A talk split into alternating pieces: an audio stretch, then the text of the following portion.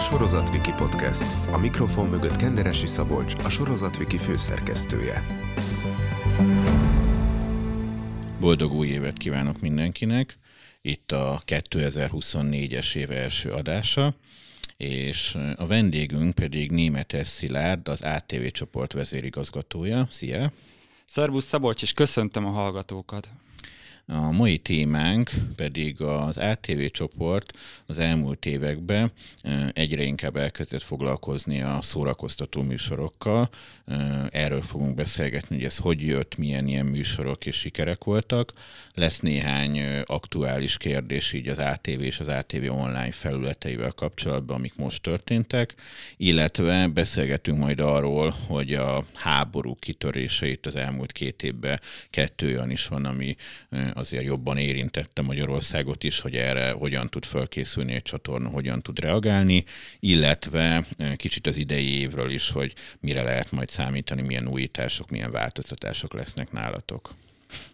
Első kérdésem akkor az lesz, hogy azért az ATV-n a hír is aktuális műfaj, illetve hogy a külpolitikai dolgokon kívül mindig is voltak azért ilyen könnyedebb műsorok is. Ott volt mondjuk a Jakubcsek plusz, vagy mondjuk a hashtag bocskor, de az elmúlt években, minthogyha egyen jobban kezdtetek ezzel foglalkozni. Talán az első ilyen műsor az az 500 volt, ugye ami pár éve már az első évad jelentkezett, majd pedig a második évad is képernyőre került. Róna Kínai Egon műsor vezetésével. Hogyan jött ez, hogy, hogy ezt a műsort csináljátok meg, és akkor ez egy kísérlet volt, vagy akkor már tudtátok, hogy majd több ilyen műsort is szeretnétek csinálni? Az ATV egy nagyon régi kereskedelmi tévé, az első magyar kereskedelmi tévé. 1989-ben a Földművelési Minisztérium alapította még az átkosban. Az Agro TV néven indult, tehát ez egy földművelésügyi csatorna Gép. volt, úgyhogy ezzel szerintem a hallgatók most szembesülnek először. Mindig volt szórakoztató tartalom, tehát ö, volt fásimulató, akkor volt saskabaré, csak ezek valahogy kevésbé maradtak meg az emlékezetben, mert hát azóta fásimulató a TV2 csoportom, a Sas József meg sajnos eltávozott. Volt frisbee is talán Volt nálatok. frisbee, meg a Népsor című műsor is nálunk volt, tehát hogy ez a, ez a zsáner azért mindig jelen volt az ATV, sőt volt felnőtt tartalom is egyébként a 90-es években az ATV-n, erre aztán végképp senki nem emlékszik, és ne is emlékezzen azután az interjú után. De a lényeg az, hogy a hír jelleget a 2000-es évek elején vette fel a csatorna.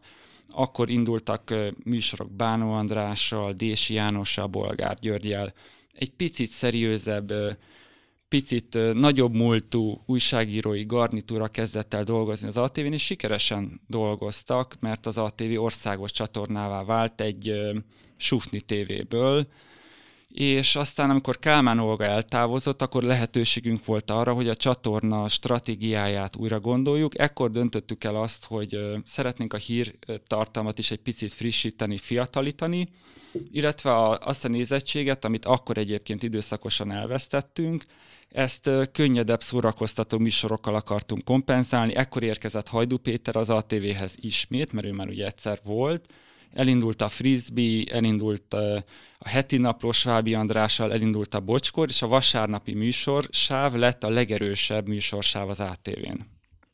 Később, amikor változások voltak, és Hajdú Péter távozott az ATV-től, akkor megszűnt ugye a Frisbee című műsorunk, ami egyébként az egyik legnézettebb műsor volt az ATV-n.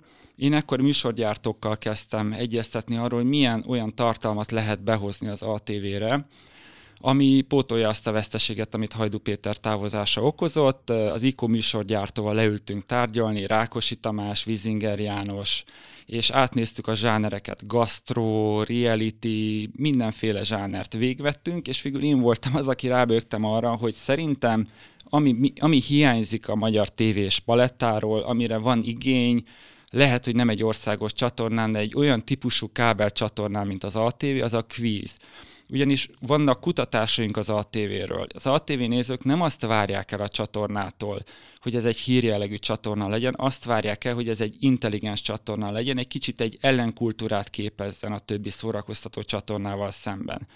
Mindegy az, hogy húzósnak hívják a műsort, egyenes beszédnek hívják a műsort, vagy géniusznak hívják a műsort, intelligens embereket akarnak a képernyőn látni. Ennek először az 500 című műsor tett eleget, itt a quiz vonalunkon, és nagyon sikeres lett, kaptunk jelöléseket is fontos díjakra, amiket hát sajnos nem nyertünk el, de valahogy földolgoztuk ezt a veszteséget, és később aztán, amikor az 500 című műsornak a leszervezése, legyártása bonyolultabbá vált, akkor elkezdtünk gondolkodni Vizinger Jánossal abban, hogy egy saját gyártáshoz közelítő, tehát Magyarországhoz közelítő, kicsit magyarosított, klasszikus, tudásalapú vetélkedőt kéne elindítani, és a Jánoséknak a csapata lefejlesztette a Génius című műsort, ami egyébként rögtön elteszt, el, el, nyerte a csatorna vezetésének a tetszését. Tehát mi éreztük azt, hogy ezzel most nagyot fogunk dobni. Akkor éreztük különösen, hogy ez a produkció sikeres lesz, amikor Gundel Takács Gábor sikerült megszerezni műsorvezetőt. Hogyan sikerült őt meggyőzni? Régóta szerettünk volna vele dolgozni. Van egy kép bennünk, hogy kik azok a műsorvezetők, személyek, akik úgymond ATV kompatibilisek, akiket az elmúlt 15 évben a képernyőn láttak, szinte mind olyan személyek voltak, viszonylag nagy tapasztalattal rendelkező, a, a intelligenciájuk nem megkérdőjelezhető, magas presztízsű, már egyébként akár ilyen kvíz műsorban nagy tapasztalattal rendelkező házi urak, házi asszonyokra gondolhattunk, és ebben a műfajban az egyik az Gundel Takás Gábor volt, aki a legismertebb, és azért mi szeretünk azért A-kategóriás munkatársakban gondolkodni, és ugye az megmaradt bennünk, hogy amikor a Maradj Talpon című műsort vezette, akkor azt mi mindig megéreztük. Tehát amikor indult a Maradj uh-huh. Talpon a, a közszolgálati tévén, nekünk mindig sajnos esett a nézettsünk, és bennem is megfogalmazott az igény, hogy Gundel Takás Gábor egyszer szüksége lenne az ATV-nek. És utána, hogy átkerült az ATV-hez, akkor onnantól kezdve már hál' Istennek másik csatornától vette el a nézőket, tehát hogy jobb szeretjük az ilyen típusú műsorvezetőket a mi csapatunkban tudni, mint, a, mint az ellenfélnél nem tartottatok attól, hogy ugye ez egy teljesen új formátum volt. Ugye mondjuk el a hallgatóknak, hogy ez egy itthon fejlesztett magyar műsor, ugye Vizinger Jánosékkal ti fejlesztettetek, és a, ugye a Magyar Vízboró gyártotta, és mindig egy ilyen azért kísérlet is, hogy mennyire tetszik, mennyire jön be a nézőknek. Én nagyon optimista voltam, és egyébként volt egy olyan lelkesedés és jó atmoszféra a felvétel között, hogy amikor ezek a műsorok készülnek, azért van egy hangulata, van egy, van egy flója a, a, a gyártásnak, és itt annyira pozitív volt az a flow, ami körülvette a műsort, annyira hittek benne az alkotók, és lelkesek voltak, és nem úgy keltünk ki az ágyból, hogy úristen, még egy forgatási nap, hanem, hanem gyakorlatilag úgy számítottunk azért arra, hogy ez a műsor be fog tetszeni fog a nézőknek, a kameramanokon, a, a vezérlő mindig látszik azt, hogy egy műsor milyen. Tehát amikor azt, azt látjuk, hogy a, a, a kameraman rádől a kamerára unalmában, vagy a, vagy a vezérlőben a rendező nézegeti a telefonját, a, az Instagramon a feedeket pörgeti, akkor tudjuk, hogy azért itt, itt baj van. És őszintén volt ilyenre példa, és néha van ilyenre példa. Ennél a műsornál nem ilyen volt. A vezérlő is szurkolt, a vezérlő is átélte az eseményeket, azért olyan emberek dolgoznak egy ilyen műsornak, akik nagyon sok produkcióban benne vannak. Van összehasonlítási alapjuk, és olyan jelzések érkeztek a stáb részéről, hogy ez a műsor jó lesz. A harmadik évad nézette volt, mint a második évad, és abszolút hozta az első évadnak a sikerét, úgyhogy nagyon elégedettek vagyunk a harmadik évaddal, őszintén szóval várakozáson felüli számokat produkált, Úgyhogy most előre haladott tárgyalásokat folytatunk arról, hogy a negyedik évad ősszel sugárzásra kerüljön, és az a célunk, hogyha minden érdek egybevág, hogyha az anyagiak adottak, hogy heti több sugárzást szeretnénk ebből adni, remélem, hogy összejön. Említetted a harmadik évadot, itt ugye a Géniuszok Géniusza címmel adtátok, és itt egy kicsit megvolt már a szabályzat ugye variálva, illetve ugye hétfőn került képernyőre. Itt mi volt az elgondolás, mi volt az, ami azt gondoltátok, hogy akkor ezt szerint folytatjátok? Volt egy nagyon sikeres casting az első évadra, és utána ebből éltünk tulajdonképpen a második évadban is. Ez azt jelentett, hogy rengeteg olyan kvíz, mestert, géniuszt találtunk az országban, akit tudtuk, hogy a nézők szeretni fognak, és, és, és hamar ismerté válnak. Hát most már van, aki könyvet írt egyébként, igen, igen. van, aki hírműsorokban jár egyébként hírekről beszélgetni, tehát hogy nagyon szépen sikerült fölépíteni itt játékosokat. És arra gondoltunk, hogy arra, azt, azt találták ki egyébként a, a Jánosék, és ez egy, ez egy remek ötlet volt, hogy csináljunk egy ilyen bajnokok ligáját, tehát ahol a bajnokokat összeresztjük, és egy ilyen egyenes kieséses rendszerben a legjobbak, a legnagyobbak, a legsikeresebbek mérkőzenek meg, hogy, hogy, hogy lássuk azt, hogy ki volt az, aki a legjobbak között is a legjobb, és egyébként megerősítést nyert az, hogy az a személy nyerte ezt a, ezt a bajnokok ligáját, aki egyébként egy, egy korábbi évadot is megnyert, ugye a Kovács úr, és ő egy olyan személy volt, akit egy, körül egyébként egy ha, nagyon hamar egy nagyon nagy népszerűség alakult ki. Ezt mi onnan tudtuk, hogy amikor ő játszik, akkor mindig nagyon magas a nézettség. Tehát az nagyon érdekes volt mindegyik géniusz évadban, hogy nem, nem csak a műsort szerették a, a nézők, hanem, hanem azokat a játékosokat, akik benne voltak, és különböző népszerűségi játékosok szerepeltek. Volt, akinek kiugró nézettséget hozott, ha ő kiesett, vagy, vagy éppen a harmadik évadban tovább jutott, és egy picit pihent, akkor kicsit visszaesett a nézettség. Nagyban kezdett már függni a nézettség attól, hogy ki van éppen játékban. Ugye említettük itt korábban az 500-at, hogy ott volt éppen a Jakub Check Plus, amivel a televíziós újságírók díján már tudtatok jelölést szerezni, viszont a Geniusnak az első évada volt az, amivel meg is nyertétek a vetélkedő kategóriát. Mit jelent egy ilyen díj az ATV számára? Mindent. Ugyanis ez a csatorna sokkal kisebb költségvetésből működik, mint mondjuk a nagy országos kereskedelmi tévék. Tehát ilyen tízszeres szorzókat képzeljenek el a nézők. Nem vagyunk tökéletesek, hibázunk, ezt a hírekben is láthatják időnként a, a nézők, hogy, hogy vannak nálunk szakmai hibák, és ezeket nagyon sajnálok. Sokszor ezek a hibák abból jönnek ki, hogy kevesen vagyunk, mert ez azért nem egy nagy költségvetésű tévé.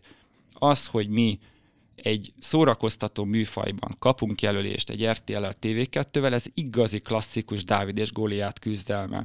És az, hogy még egy szerencsekerékkel tudtunk most kétszer is mérkőzni a televíziós újságírók díján, ez egy Dávid és Góliát küzdelem, és az első meccset mi megnyertük.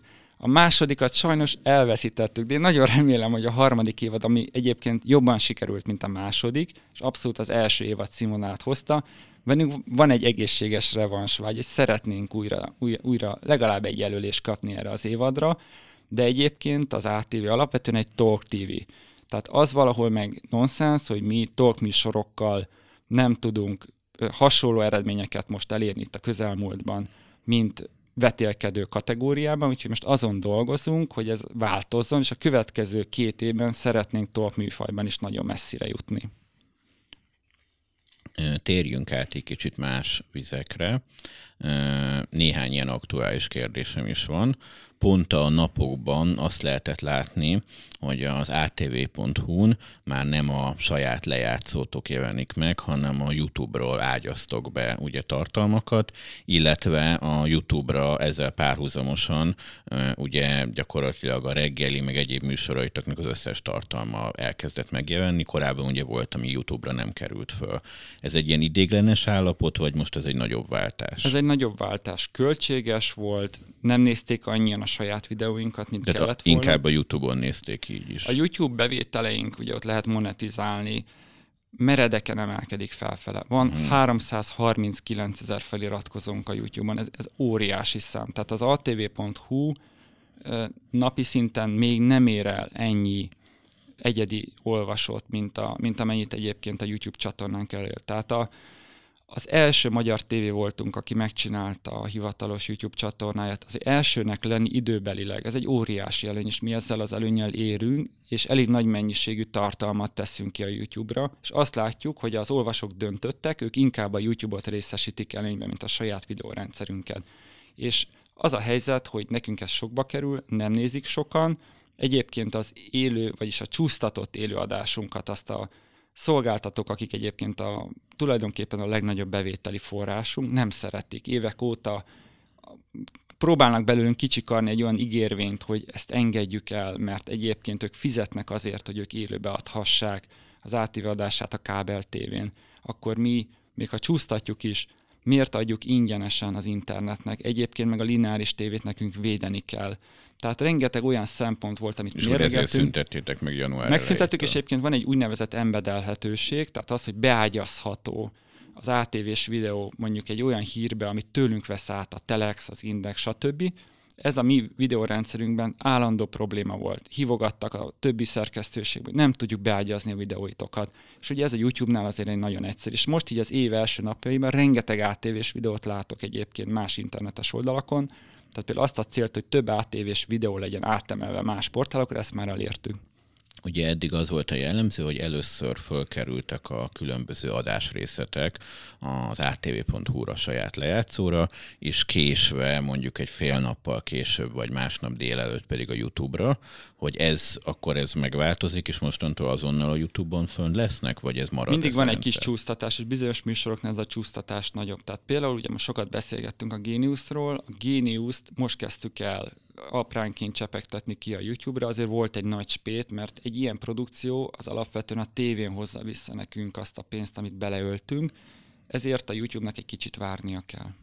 És az aktuális műsoroknál ott lesz változás az ügyben? Ott a, ugyanaz, a, ugyanaz az idő csúszás lesz egyébként a YouTube publikálás és az, uh-huh. a tévéadás között, mint ami korábban volt. Ez túl sok nem lehet, mert egyébként elveszíti az És akkor a holnapra is később kerülnek föl emiatt? A honlapra ugyanúgy kerülnek föl, uh-huh. igen, tehát egyszerre kerül fel egyidejűleg.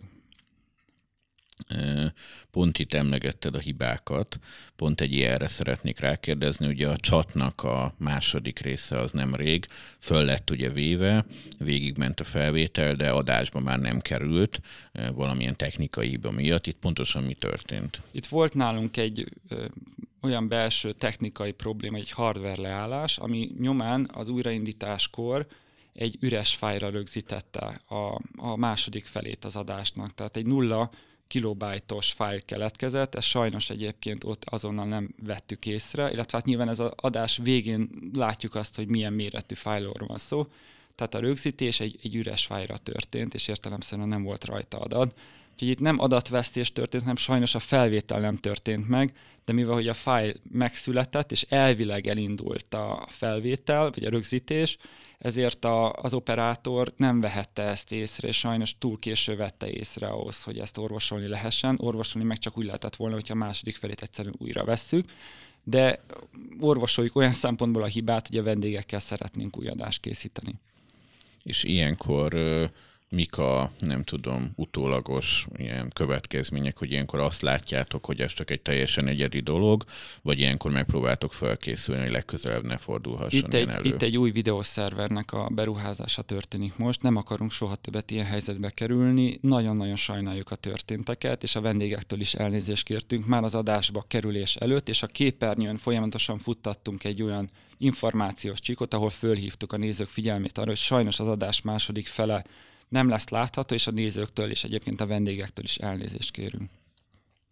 Volt még egy ilyen különös eset pont a új évnek az első napjaiba, hogy először az atv.hu-n, utána egy másik portálon, illetve ezt a két portált ugye a fél magyar médiát is vette, miszerint ugye a, a Ferenc pápának ugye az utódlására magyar bíboros is esélyes, és hogy kiderült, hogy gyakorlatilag nem egy ilyen vatikáni szakértő oldal írta meg, és hogy nem is ő a fő esélyes, és hogy több különböző dolog volt, hogy itt ilyen gyakorlatilag egy ilyen fake news ment keresztül, hogy itt ilyenkor mennyire látod a atv.hu felelősségét, mint aki elsőként hozta be a hírt, és hogy ilyenkor mi az, amit utólag ilyenkor megvizsgáltok, vagy, vagy tudtok javítani, hogy, hogy ne legyen ilyen. Ezt nagyon sajnáljuk. Van egyébként egy rossz jelenség az internetes újságírásban, és ebbe beleszaladtunk mi is, és ezért egyébként ezúton is elnézést kérek az olvasóktól, akik ezt a hírt elolvasták. Ezen nincs mit szépíteni, elrontottuk Befele nagyon komoly tanulsága van ennek a történetnek, sokkal nagyobb figyelmet kell fordítani arra, hogy a forrást ellenőrizzük. Az a probléma, és egyébként ez a közösségi médiában is egy súlyos probléma, hogy egyre nehezebb megkülönböztetni a hiteles forrást a nem hiteles forrástól. Tehát, hogy most már úgy néznek ki weboldalak, mint hogyha megbízható forrás lenne. Szinte alig van formai különbség egy, egy fake news gyár és egy, és egy, és egy megbízható valós tartalom között. Nyilván rohanás van, nyilván clickbait van, mindenki kattintást akar elérni, magas látogatószámot akar lerakni a vezetőség asztalára. De ennyire gyorsan nem szabad előre menni. Itt figyelmetlenség volt, nagyon komoly probléma ez, nem szabad ilyet csinálni, mert tőlünk többet vár el a közvélemény. Megszokták azt, hogy egy megbízható hírforrás az a TV, jók a kutatási adataink, nemzetközi cégek is folyamatosan mérik egyébként a magyar szerkesztőségeknek a bizalmi indexét, ebben mi jól állunk. Nagyon sajnálom ezeket az eseteket, és egyébként mindannyian személy szerint is rosszul éljük meg, úgyhogy mindenképpen arra fogjuk kérni a munkatársakat, és úgy fogjuk átalakítani a workflow-t is, hogy több ellenőrzés legyen, mielőtt egy cikk kikerül élesbe. Ez nagyon nagy lecke volt nekünk. Hála Istennek nem súlyosabb hírbe szaladtunk bele, de akkor is hiba, mert aztán ki tudja, egyébként lehet, hogy a proféta szólt a kollégából, de ez most így nem akarom elviccelni a helyzetet, nem történhet meg ilyen, és nem szeretném, hogy megtörténjen többször ilyen az ATV-n nagyon fontos esemény volt itt nekünk, magyarok vagy európaiak történetébe, ugye, hogy itt közvetlenül mellettünk gyakorlatilag kitört egy háború, az orosz-ukrán háborúra gondolok, illetve a közelmúltban pedig ugye ez az izraeli nagyon komoly konfliktus is kitört, és, és az elmúlt évekhez képest sokkal intenzívebbé vált.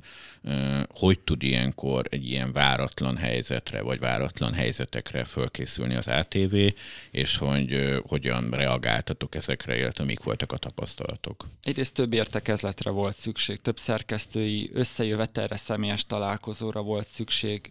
Az ATV-nek volt helyszínen tudósítója Jászberényi Sándor, szinte azt kell mondjam, hogy a testi épségét kockáztatta egy-egy kievi tudósításnál vele. Volt egy nagyon jó megállapodásunk, nagyon elégedettek voltunk azzal a munkával, amit végzett. Az előbb beszéltünk a fake newsról. Háború esetén még nagyobb figyelemre van szükség, mert a háborús propaganda az mindenféle jellemző, és annak viszont örülök, hogy az orosz-ukrán háború és az izraeli-palesztin konfliktus esetén is nem ültünk föl olyan álhíreknek, olyan hamis videóknak, ami, aminek egyébként más orgánumok fölültek, mert könnyű fölülni ilyenkor mind a két oldal elárasztja a közösségi médiát olyan tartalommal, ami őt szimpatikusabbá teszi, kedvezőbb színbe tünteti föl. Erre egyébként a háború elén föl kellett hívni a kollégák figyelmét, de azért olyan tapasztalt kollégák dolgoznak nálunk, hogy amúgy maguktól is egy fokozott éberséget tanúsítottak a háború kitörésekor. Ami egy fontos el volt, hogy a szenzáció hajház újságírásnál is ö, benne van a pakliban az, hogy olyan ö, öncélű erőszak kerül a képernyőre, ami egyébként semmi más nem szolgál, mint az, hogy az embereknek az érzéseire hason. Erre fokozottan kellett figyelni a háborúin, rengeteg erőszakos felvétel érkezett a, a, az, az ATV-hez is. Nem adtunk le nagyon sok felvételt Ugye most, amikor volt ez az ominózus kézigránátos felvétel, akkor is hála Istennek jól működött a rendszer, és konzultáltak a szerkesztőség arról, hogy ebből mit és hogyan lehet leadni. Van egy törvényi kötelezettség, aminek meg kell felelni. Készült nekünk tavaly évben egy, pont a háború miatt többek között egy etikai kódexünk, hogy meghatározza azt, hogy egyébként az újságíróknak ilyen esetben hogy kell eljárniuk, mit lehet képernyőre tenni, milyen kommentárral lehet képernyőre tenni, kinek lehet felületet adni.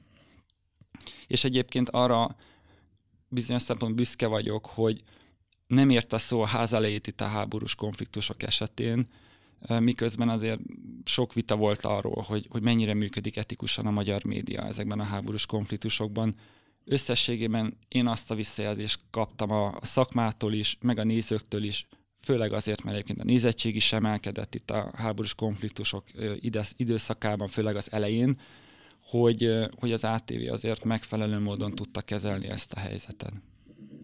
Ugye az szokott történni, amikor egy ilyen helyzet van, hogy amikor mondjuk kitört pont az orosz-ukrán háború, akkor mindenki figyelte a híradókat, érdekelte egy-két hónapig nagyon, hogy mi történik, utána ez valamennyire ugye ez lecseng, vagy kevésbé érdekes már, hétköznapűvel válik sajnos egy ilyen esemény.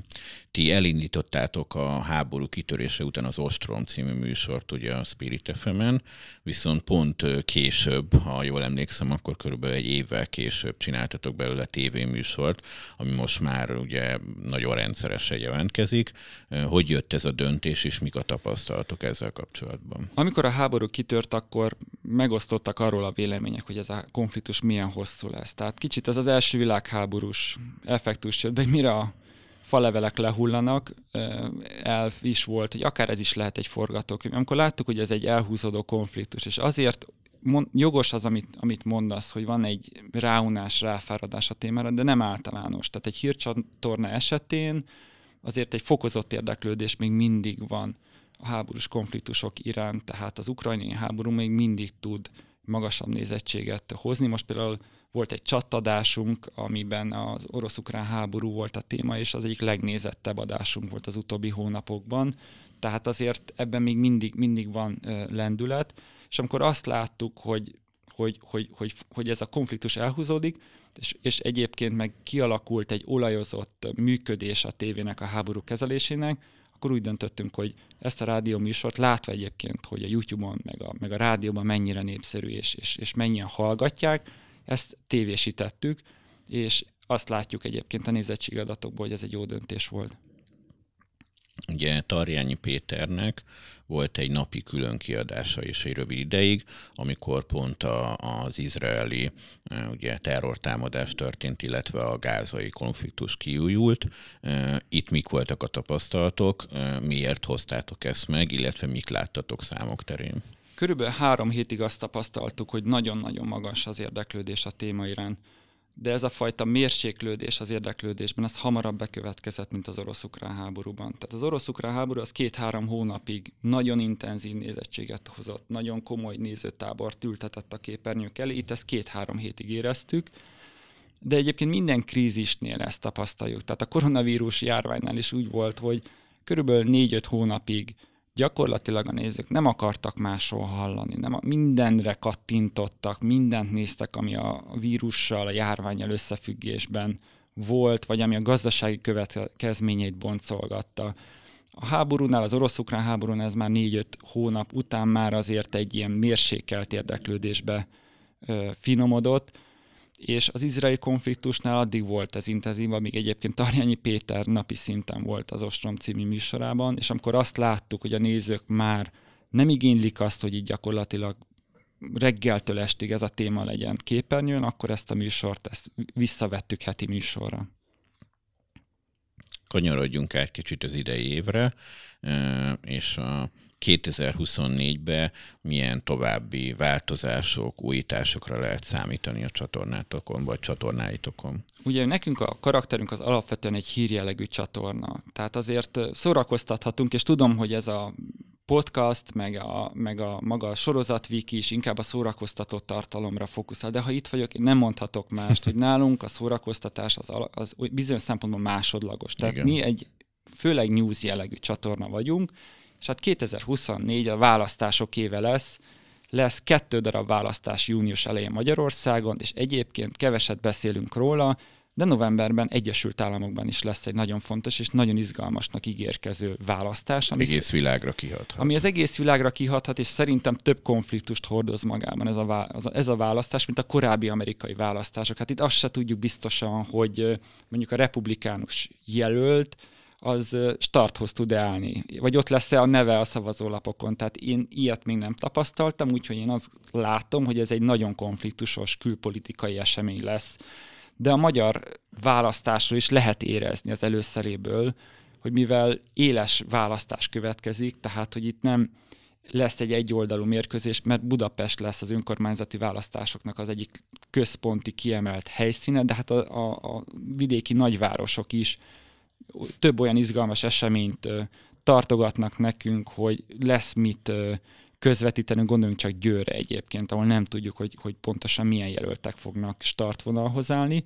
Emiatt mi most elindítottunk Vox 2024 néven egy ilyen előegyenes beszéd című műsort, de a műsor első fél órája, ez egy választási tematikában lesz meghatározva, műsorvezetők ismertek, Róna Jegon és Szölősi Györgyi, nagyon népszerű, felépített műsorvezetőink news, news műfajban mindenképpen a szerintem Magyarország legjobbjai közé tartoznak.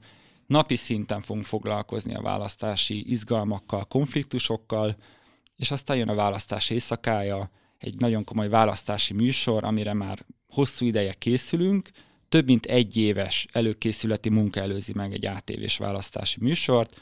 Nem árulok el nagy titkot, szerintem a nézők sejtik, hogy a műsorvezető, a választási műsor házigazdája Svábi András lesz, de természetesen föltűnnek a műsorban az ATV legnépszerűbb, legismertebb műsorvezetői, riporterei és elemzői is.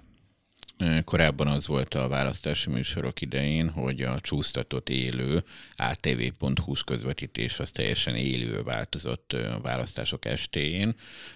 Most hogy lesz, hogy ez gyakorlatilag megszűnt?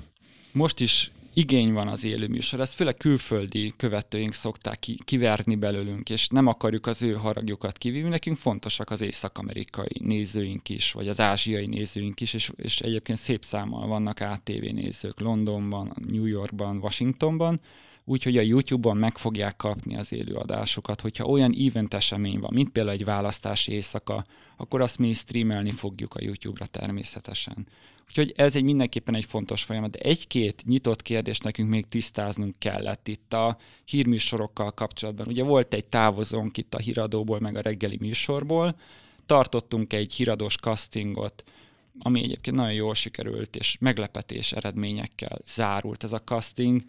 Ugyanis azt kell mondjam, hogy találtunk házon belül egy olyan híradó műsorvezetőt, aki teljesen alkalmas arra, hogy februártól este felmondja azokat a híreket, amiket a nézők már megszokhattak. Őt úgy hívják, hogy Gesztesi Máté, úgyhogy Gesztesi Máté fogja pótolni Gajdos Tamást az esti híradónkban.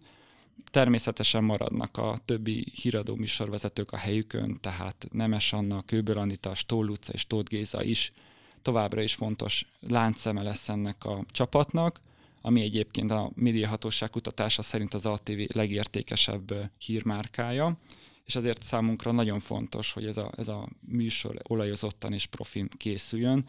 Úgyhogy örülünk annak, hogy Gesztesi Máté személyében megtaláltuk azt az embert, aki szerintem hamar és gyorsan el fogja nyerni a nézőknek a szeretetét és tiszteletét, de lesz egy női talkshow is, amit visszahozunk a képernyőre.